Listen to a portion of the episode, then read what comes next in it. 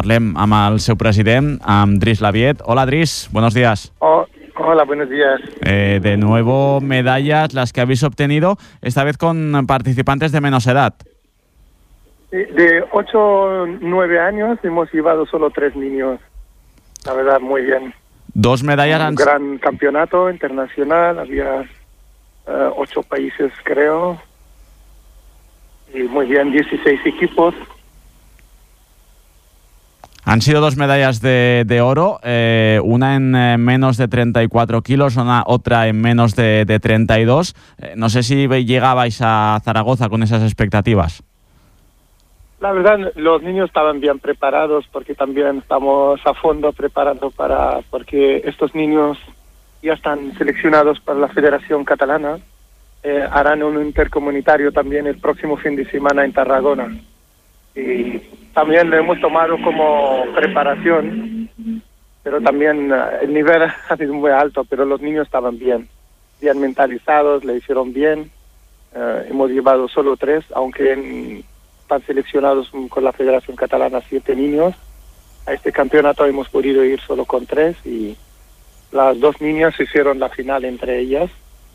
Una quedó primera y la otra segunda. Mm, Por lo tanto, eh, estaba asegurada la, la victoria en casa, en la final. La victoria casi. El nene sí que tenía mucha gente, de muchos ha- se ha cruzado con gente de diferentes países, tanto de Bélgica, de también de Marruecos, se cruzó con gente de mucho nivel y la verdad y ha ido muy muy bien. Pues eh, enhorabuena, eh, lógicamente, por estos ah, resultados. Eh, explicamos que era en la modalidad de, de, de kumite. De comité, sí, el comité.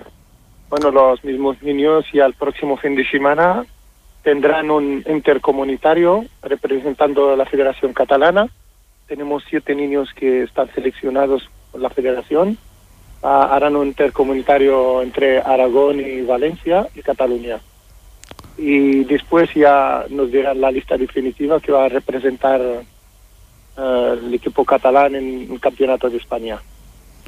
Pues eh, Será en Cáceres los días 22, 23, 24 de abril. Pues esperemos que tengan eh, mucha suerte y Dris, como siempre, muchas gracias por explicarlo aquí en la radio. Gracias, gracias a vosotros, merci.